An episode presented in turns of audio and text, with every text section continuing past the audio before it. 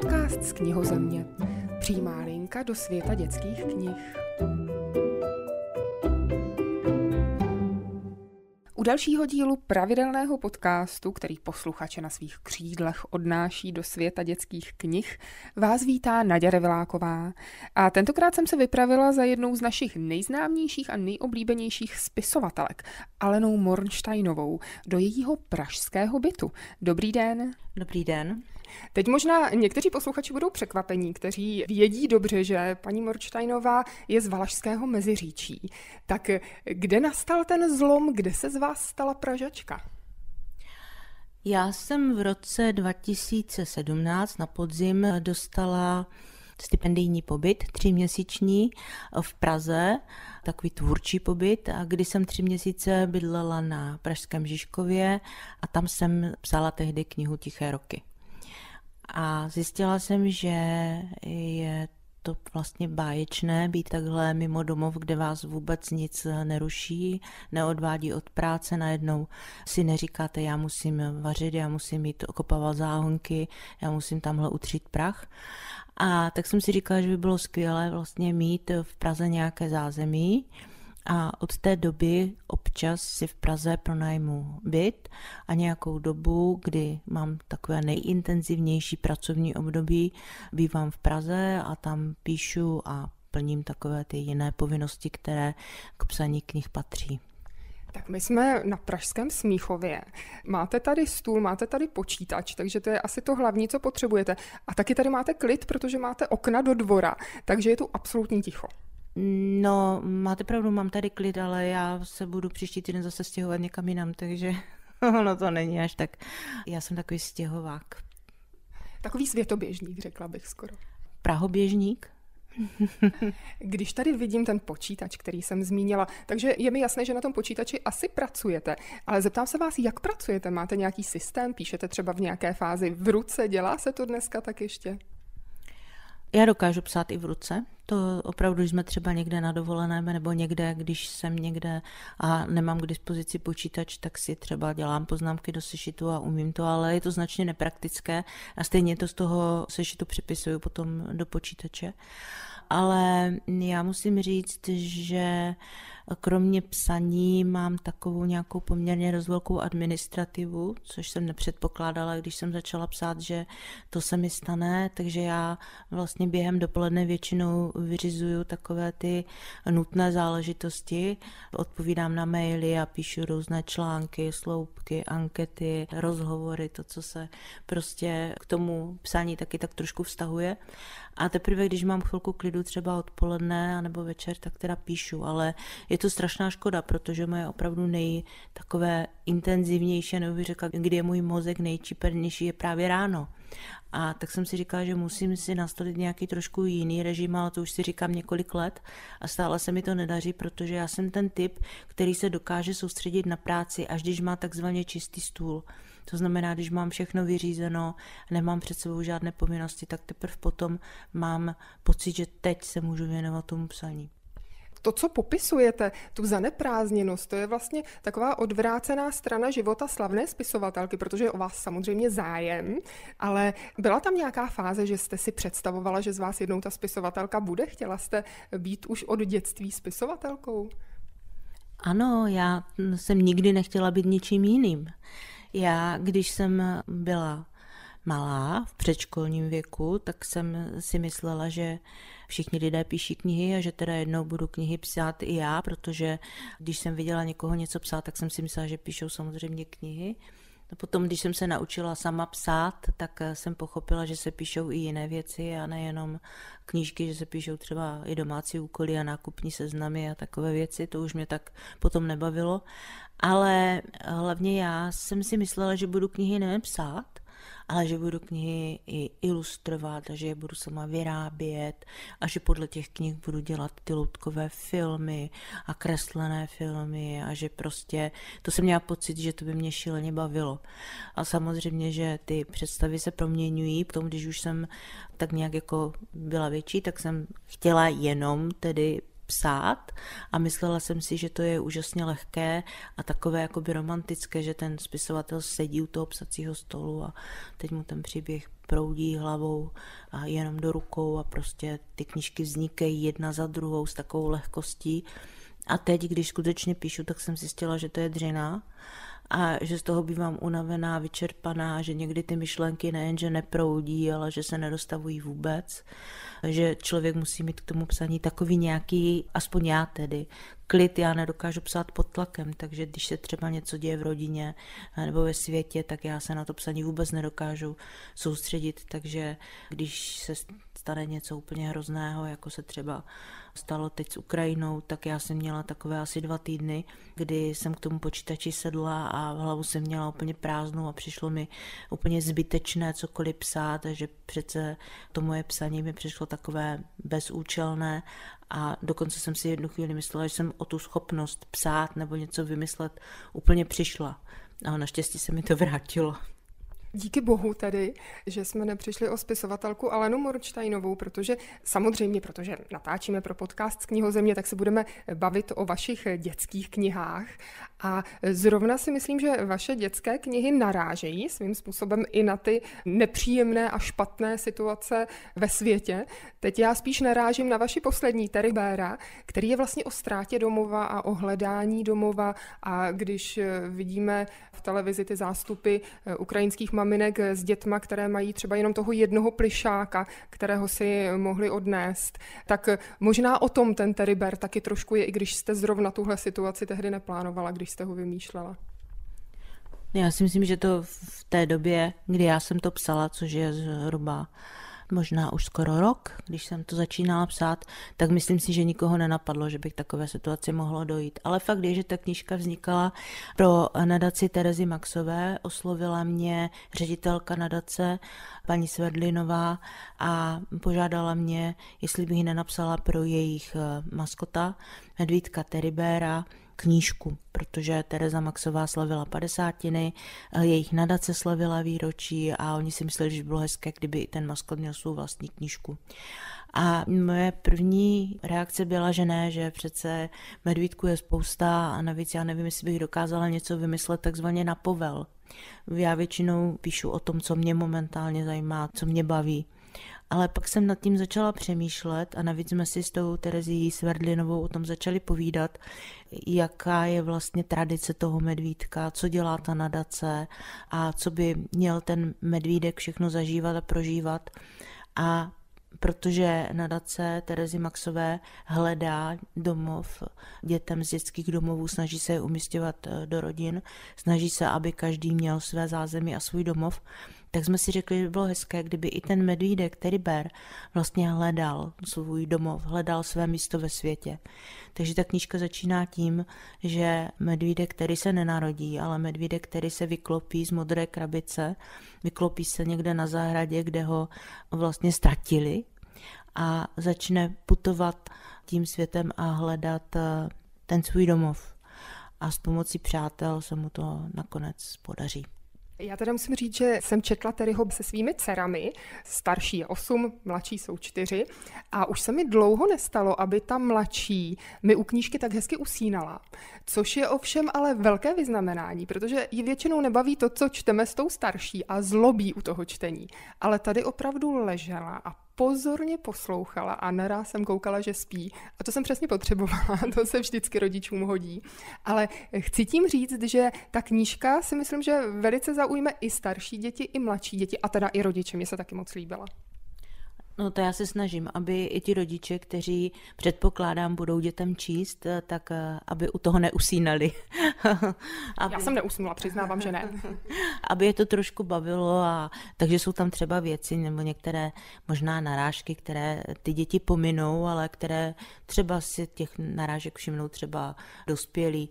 Já třeba mám moc ráda ten motiv, kdy medvídek, který se rozhodne, že by možná bylo fajn bydlet v zoologické zahradě, protože mu to poradila kamarádka Veverka Simonka, že tam bydlí její bratránek. A on, když do té zoologické zahrady dorazí, tak vlastně zjistí, že všechno má dvě strany, že některá zvířátka v té zoologické zahradě ani tak moc být nechtějí, protože sice mají tu plnou misku a je tam o ně postaráno, ale přišli o to nejdůležitější, o svobodu. A já si myslím, že možná to tak ani nepochopí ty děti, že to spíš pochopí ti rodiče, že někdy člověk musí obětovat tu svoji plnou misku a to svoje pohodlí právě za tu svobodu.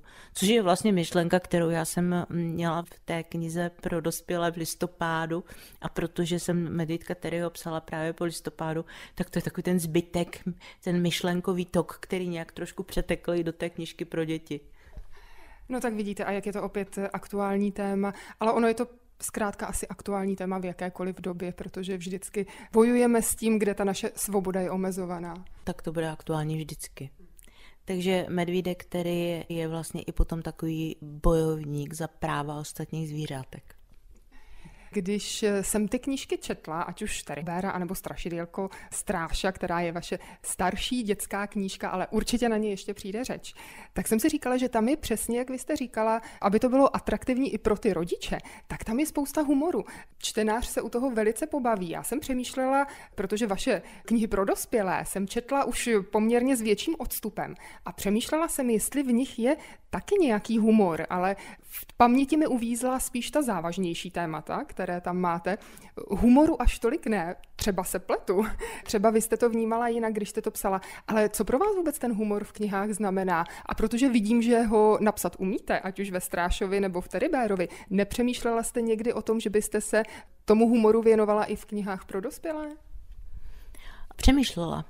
A dokonce jsem si říkala, že po listopádu napíšu vtipnou knížku, protože po listopádu mi lidé psali, že z té knížky nemohli spát a že plakali, anebo že to nějak rozrušilo. A já jsem si říkala, proč já píšu takové knihy, teď ten svět není nějak zvlášť veselý. Já bych chtěla ty lidi potěšit, pobavit, aby od té knížky vstali a řekli si, no, je na tom světě hezky. No a tak jsem si říkala, že tu další knížku bych mohla zkusit napsat takovou nějakou lehčí, humornější, ale zjistila jsem, že ne, že to prostě nejsou témata, které by mě asi zajímaly a možná, že bych to ani neuměla. Ale co se týká humoru v mých knihách, tak já si myslím, že ho tam tak trošku vždycky mám. Snažím se tam některé ty situace takové zábavnější nějak popsat, ale zjišťuju, že knihu od knihy jich tam mám méně. A v té první, úplně první knize pro dospělé, což byla slepá mapa, mě dokonce pár takových mých, podle mě zábavných pasáží nebo vtipků v redakci vyškrtali. A já jsem pochopila, že vlastně se to možná zdálo vtipné a rozumné jenom mně, a moje kolegyně, které tu knížku četly a které mě znají, tak právě říkali, že v té první knížce to, co tam zbylo z těch podle mě zábavných a humorných, eh, že tam viděli ten můj humor. A že vidí, že se v těch dalších knihách ten můj humor jakoby vytrácí. No ale jak říkám, je to proto, protože zřejmě je to jim přišlo zábavné, protože mě znají. Takže je docela možné, že ostatním to nepřišlo vtipné, protože mě neznají. No tak já se tedy hlásím o to, aby byla i nějaká knížka humorná, třeba nakonec přehodnotíte ještě ten svůj postoj a dojde i na to. Když jste psala Teribera, jak jste říkala, že to teda bylo po listopádu, tak jestli pak má i Strašidílko Stráša takovou svoji historii, že jste potřebovala ať už předat myšlenky, které ve vás ještě nějakým způsobem doznívaly, anebo zkrátka nějaké odlehčení? Přesně tak to bylo. Když jsem psala Hanu, tak jsem měla takové, bych řekla, těžké období, protože jsem několik let žila ponořená do těch materiálů, které jsem musela načítat k Haně, což byly materiály o tyfu, o druhé světové válce, o holokaustu a bylo to prostě takové období plné četby o utrpení. A já jsem se do toho ponořila až natolik, že jsem eh, si zkazila spaní, že jsem zjistila jednak, že nemůžu usnout, že jsem se v noci budila, teď jsem s vytřeštěnýma očima zírala do tmy a říkala jsem si, čeho jsou ti lidé schopni. A tak jsem si jednoho dne řekla, ne, já musím zatím ho udělat tu čáru a musím přemýšlet nad něčím jiným. Takže když se v noci probudím nebo před spaním, budu přemýšlet nad nějakou dětskou knihou vymyslím dětskou knihu a ta kniha bude nějaká humorná, zábavná, nebudu se snažit někoho poučovat, ani tam nebude žádné zlo, bude to ten můj návrat do toho dětství, kdy já jsem četla ty dětské knihy a kdy to prostě ten svět se zdál takový nekonečný a zdál se být takový nadějný ještě. A vymyslela jsem příběh o strašidlku Strášovi a to je právě příběh, kdy jsem si řekla, že tam nebude žádné zlo a skutečně, protože potřebujete vytvořit nějaký příběh, musíte tam mít nějaké to drama, tak tam jsem eh, strůjcem toho dramatu vlastně udělala někoho popleteného, což je tam ten Ládin houbelík, je ten popletený, který tam vlastně je strůjcem té zápletky. Snažila jsem se do toho zase vložit pár svých nějakých vtípků, snažila jsem se ten humor postavit opravdu na těch slovech. Zase jsem do toho vložila i pár mm, takových věcí, kterým asi porozumí jenom dospělí, jako třeba, že bílá paní jezdí na školení do Českého Krumlova, tak to si myslím, že to dětem nic neřekne, ale dospělý se třeba pousměje. Takže to bylo taková moje první setkání s dětskou knihou a zjistila jsem, že mě to jednak opravdu úžasně pomohlo a jednak, že mě to strašně baví. A já jsem tam jednu postavu pojmenovala Helenka, protože v té době se narodila moje první vnučka a jmenovala se Helenka. A to byla chyba, protože potom se mi narodily další dvě vnučky, jedna Simonka a Alenka. A jejich rodiče se dožadovali také knížky, aby to bylo spravedlivé, když má Helenka svoji knížku, takže musí mít eh, svoji knížku i Simonka a Alenka. A proto, když jsem psala knížku o Terim, tak jsem tam vymyslela postavičku Veverky Simonky, která je pojmenovaná po mé nejmladší vnučce. No a vlastně brzy vyjde i má další kniha pro děti, která se jmenuje Kapka Ája. No a Kapka Ája je pojmenovaná po mé prostřední vnučce Alence. Takže můžeme se těšit na další vnoučata a tím pádem na další dětské knížky. No, zatím to vypadá tak, že další vnoučata se eh, nechystají, takže se nechystá zatím ani dětská knížka, ale musím říct, že tak trošičku uvažuju o pokračování Strašidelka Stráši, protože si myslím, že Strašidelko Stráša by měl v další knížce zjistit, eh, jak to s ním vlastně je a jaký druh strašidla je, protože my to nevíme. My ani on sám neví, co, jaké strašidlo z něho vyroste. Tak si myslím, že by se to mělo zjistit. No teď, jak jste to řekla, tak by mě to ale teda vyloženě zajímalo. Já to ještě sama nevím. no, eh, u Strašidílka Stráši, teď jsme se bavili o tom, jaké to bylo vlastně odlehčení a odpočinek a jak se to povedlo. No ale když se to tak vezme, tak eh, to je vlastně knížka o strachu a o tom, jak je nutné ten strach překonat, když člověku skutečně na něčem záleží, aby měl v sobě tu sílu ten svůj strach překonávat. No, ono, strašidelko Stráša se e, sice leká a bojí se zvuku vlastního jména, ale nakonec se ukáže, že ono vlastně není ustrašené, že ono je jenom lekavé. Takže nezaměňujeme tady ty dvě věci a ukáže se, že když e, člověku, ale i strašidelku o něco opravdu jde, tak se dokáže zatnout a dokáže tu svou lekavost překonat a kvůli kamarádům vlastně se překoná. Když jste vymýšlela strašidílko strášu, jestli pak jste v hlavě měla konkrétní místo, třeba ten hrad, kde se to odehrává, protože já myslím, že v té knížce to napsané není, vidíte, ale vy potom, když vezmu třeba vaši knihu Hana, tak tam to je jasně zasazené do Valašského meziříčí, dokonce i čtenáři vás s Valašským meziříčím mají velmi dobře spojenou. Tak co Stráša? Jestli pak Stráša má svůj konkrétní hrad? Bohužel nemá. To teda musím říct, že to mě ani nenapadlo, že by měl mít svůj konkrétní hrad.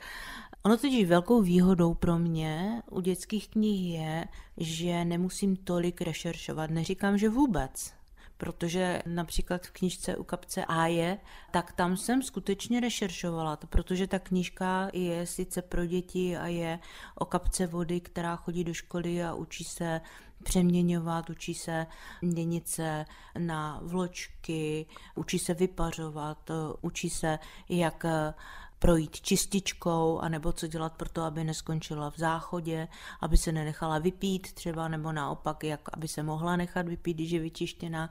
Takže já jsem najednou zjistila, že z knížky, kterou jsem chtěla zase napsat jen tak lehce pro radost, najednou zase už studuju, jak to vlastně v té čističce chodí. Já jsem se to vlastně sama naučila, já jsem se to sama dozvěděla jak vypadá taková čistička vody a jak vypadá úpravna vody, že to není jedno a to samé. Spoustu mm, je tam informací o koloběhu vody v přírodě a Dokonce jsme potom se rozhodli, že tu knížku, ten text, který je opravdu takový lehký a zábavný, doplníme takovými infoboxíky, kde některé ty pojmy vysvětlíme, protože ta knížka je určená pro děti od pěti let a možná, že ne každé pětileté dítě ví, co je to koloběh vody v přírodě. Takže tam jsme si to snažili velice jednoduchou formou podat. Chtěla jsem, aby ty infoboxiky byly krátké, zábavné a měly návaznost na ten hlavní text a nakonec jsem se s těmi infoboxiky nadřela daleko víc než celým tím a jiným příběhem, protože zkuste třeba jednou větou vtipně říct, co je to voda. Takže tam jsem se opravdu, tam musím říct, že tam jsem rešeršovala pomalu jako u dospěláckých knih. A víte, že přesně tohle jsem si říkala, že se vás taky zeptám, jestli u těch dětských knih je potřeba vůbec dělat nějaké rešerže, nebo člověk může zkrátka jen popustit úzdu fantazii. Mně to teda napadlo u Teribera, když jsem ho četla, jestli jste si třeba musela dělat rešerže, jak vypadá život veverek a medvědů, anebo to tam nehrálo až tak velkou roli. Ale ano, musela. Přece jenom jsem se dívala, kde vlastně bydlí veverky, jestli bydlí v dutinách stromů třeba, nebo co třeba jí. A tam jsem třeba zjistila, to mě strašně překvapilo, a tu větu tam mám, že veverky jsou samotáři. Protože to jsem nevěděla. My, když jsme bydleli v malém domku na kraji města, tak jsme měli na zahradě veverky. A já jsem měla pocit, že oni spolu dovádí, že se spolu hrají a to prý tak není. Veverka prý 95% svého času tráví o samotě a když nám tak tam spolu pobíhali po zahradě, tak to zřejmě bylo to období námluv a nebo možná vyháněli střelce, nevím. Takže i tam mám v té knižce větu, kdy ten bratránek Filip říká Veverce Simonce, ať tam moc netahá těch kamarádů, teď přece ví, že my, Veverky, jsme samotáři. Takže i takovéhle detaily člověk se třeba dozví. Vy máte dětské hrdiny i ve vašich knihách pro dospělé. Je to velký rozdíl, když píšete dětské hrdiny pro děti a pro dospělé? Ono přece jenom už jenom to, že ty příběhy těch dětských hrdinů v knihách pro dospělé jsou o něco drsnější, ale je tam třeba ještě něco, co by bylo možné takto zachytit? Já většinou v těch knihách mám život těch svých hrdinů vlastně od dětství, takže skutečně tam mám i jejich dětství, ale je to vyprávěné z pohledu dospělého. Takže i když třeba ten jazyk je tam v té části, kdy hlavní hrdina je ještě jako dítě, obzvlášť, se to vypráví v první osobě, tak je to třeba trošku jednodušší jazyk eh, než potom v té dospělosti, ale pořád je to z pohledu už potom zpětně toho dospělého člověka. Takže tam nemusím tak eh, volit eh, slova jednodušší, protože vím, že ten dospělý čtenář prostě ta slova zná když to v té dětské knize se snažím nepoužívat eh, příliš komplikovaná slova, ale zase ne příliš jednoduchá. Ale zase v dospěláckých knihách, nevím, jestli jste si toho všimla, se snažím nepoužívat slova cizího původu. Snažím se používat slova česká. A i když píšu nějaký feton nebo článek nebo cokoliv do jakéhokoliv časopisu nebo novin, tak i tam se snažím vyhýbat cizím termínům, pokud existuje český ekvivalent, což jsem teď použila. České slovo. Česká alternativa. Taky ne. Taky ne. No a co teda Teribér? To moc česky nezní. S tím jsem bojovala a i jsme to konzultovali a já jsem tam vlastně měla dva problémy s Terym. První byl, že Terry má vlastně podobně i. Protože to slovo cizího původu, tak jako Terry, a to jsem diskutovala v nadaci a říkala jsem, nebo možná i v nakladatelství a říkala jsem, jestli tím ty děti nezmateme, ale tady to bylo už prostě dané. Ale další pro mě problém byl vůbec ten název Terry, Terry Bear. Já jsem chtěla, aby to byl medvídek Terry, ale protože Terry Bear je vlastně značka. Značka, kterou nadace Terezy Maxové používá a vlastně ta hlavní postava byla předem daná, tak jsme to tam museli nechat. Takže jsme aspoň dali pod titul Tajemství modré krabice, aby to nebylo skutečně jenom to Terry Bear. Ale je to věc, kterou kdybych mohla změnit, tak bych změnila. Vy už jste říkala, že teď v dohledné době, dokud nebudou další vnoučata, tak zatím neplánujete další pohádkové knížky, ale stejně se eh, zeptám, na čem teď pracujete? Když už tady mám ten počítač, tak aby jsme i řekli, čím je využitý. No, snažím se psát eh, další knihu, která by měla, doufám, vyjít eh, příští rok, takže v roce 2023. Měla by to být kniha, která bude zase trošku jiná. Se snažím, aby každá moje knižka eh, byla trošku jiná. Je určená pro dospělé čtenáře, je to zase spíš takové, doufám, víc rodinné, psychologické téma o tom, že všechno nemusí vypadat tak, jak se na první pohled zdá. Necháme se překvapit. Máte nějakou nejoblíbenější fázi psaní, ať už je to ta fáze přípravná, nebo potom to samotné psaní, nebo když už je hotovo a už se jenom tak vracíte a dopilováváte, nebo třeba vytištěná kniha a konečně si člověk může oddychnout, že už tam nic měnit nemusí? No určitě nejkrásnější pocit je, že už tu knížku držíte v ruce, že víte, že se to povedlo a že jste to dotáhli do konce. Ale jestli něco nemám ráda, tak jsou to korektury. Protože já mám vždycky pocit, že když jsem tu knížku napsala, když jsem ji moc krát po sobě přečetla, takže je vlastně taková, jakou ji chci mít a jaká má být jenomže pak se dostane eh, do rukou korektorovi a tam se potom dělají třeba nějaké úpravy, doplňování. Některé jsou užitečné, protože třeba sám po sobě člověk nevidí, že opakuje nějaké slovo pořád dokola, že je tam třeba moc krát, ale některé úpravy až tak docela mi nevyhovují, protože třeba jsem si vědoma toho, že mám takový trošku své bytný slovosled a někteří redaktoři třeba mají tendence mi můj slovosled upravovat, tak to třeba já zase nemám ráda a dost si teda poslední dobou už trvám na svém. To je dobré, když je člověk v té pozici, že už může. Ano. Jestli pak, protože vy se účastníte také různých besed, kam si vás zvou, a jestli pak děláte besedy i pro děti, protože Terry Bear ten vyšel teprve nedávno, takže vlastně se strašidílkem Strášou stačí ta jedna knížka na to, aby si vás zvali i školní třídy, knihovny?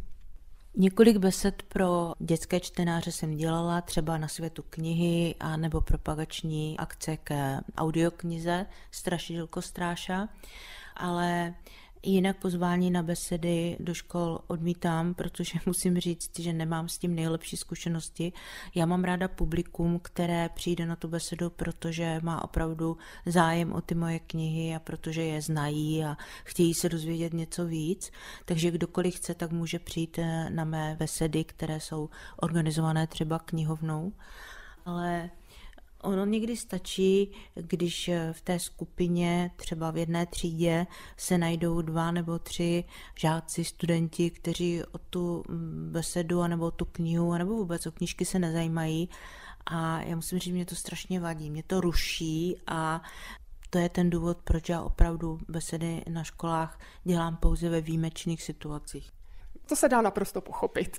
Když jsme se bavili o tom, když v dětství, jak, jak dlouho jste toužila stát se spisovatelkou, tak jaká jste byla čtenářka v dětství? A jestli pak třeba v dětské literatuře, kterou jste četla jako dítě, je i nějaká inspirace pro vaše dětské knihy? Já jsem byla velká čtenářka a vlastně než jsem začala číst, tak i mi maminka hodně četla, takže dá se říct, že jsem s knížkama vyrůstala. A když to bylo trošku možné, tak jsem se přihlásila do knihovny a do dneška si pamatuju, jak eh, jsem v té knihovně si vždycky nabrala plnou tašku knih a přišla jsem domů a teď to dilema, kterou knížku si přečíst jako první. A taky vlastně tehdy, a což asi děti dělají, jsem si některé knížky půjčovala stále dokola a měla jsem pocit, že mě pořád baví čím dál tím víc. Ale nespomínám si, že by měla, nebo že by mě teď nějaké ty knížky nějakým způsobem inspirovaly. Samozřejmě, že jsem milovala děti z Bullerbinu, Astrid Lindgrenovou vůbec. Měla jsem ráda medvíd kapu, měla jsem ráda veverku z rzečku, takže takové ty zvířátka, ale měla jsem ráda i ladu, kocoura Mikeše, ladovy pohádky, popletené pohádky, drdovy pohádky, prostě úplně, já jsem četla úplně všechno, co mi přišlo pod ruku. A když teď sama vymýšlím pohádku, tak se právě snažím, aby ta pohádka byla pokud možno taková, kterou ještě nikdo nenapsal, ale je to strašně těžké, protože někdy mám pocit, že už prostě bylo napsané úplně všechno.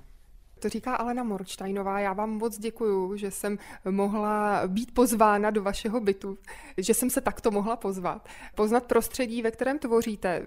Moc držím palce, aby těch hezkých knih, které ještě napíšete, ať už pro dospělé a třeba i pro děti, bylo co nejvíc. Držím palce nám i vám, aby ten svět byl natolik klidný, abyste měla klid na práci. A těším se zase někdy třeba na shledanou. Naschledanou a děkuji za návštěvu. No a příště se vypravíme ven.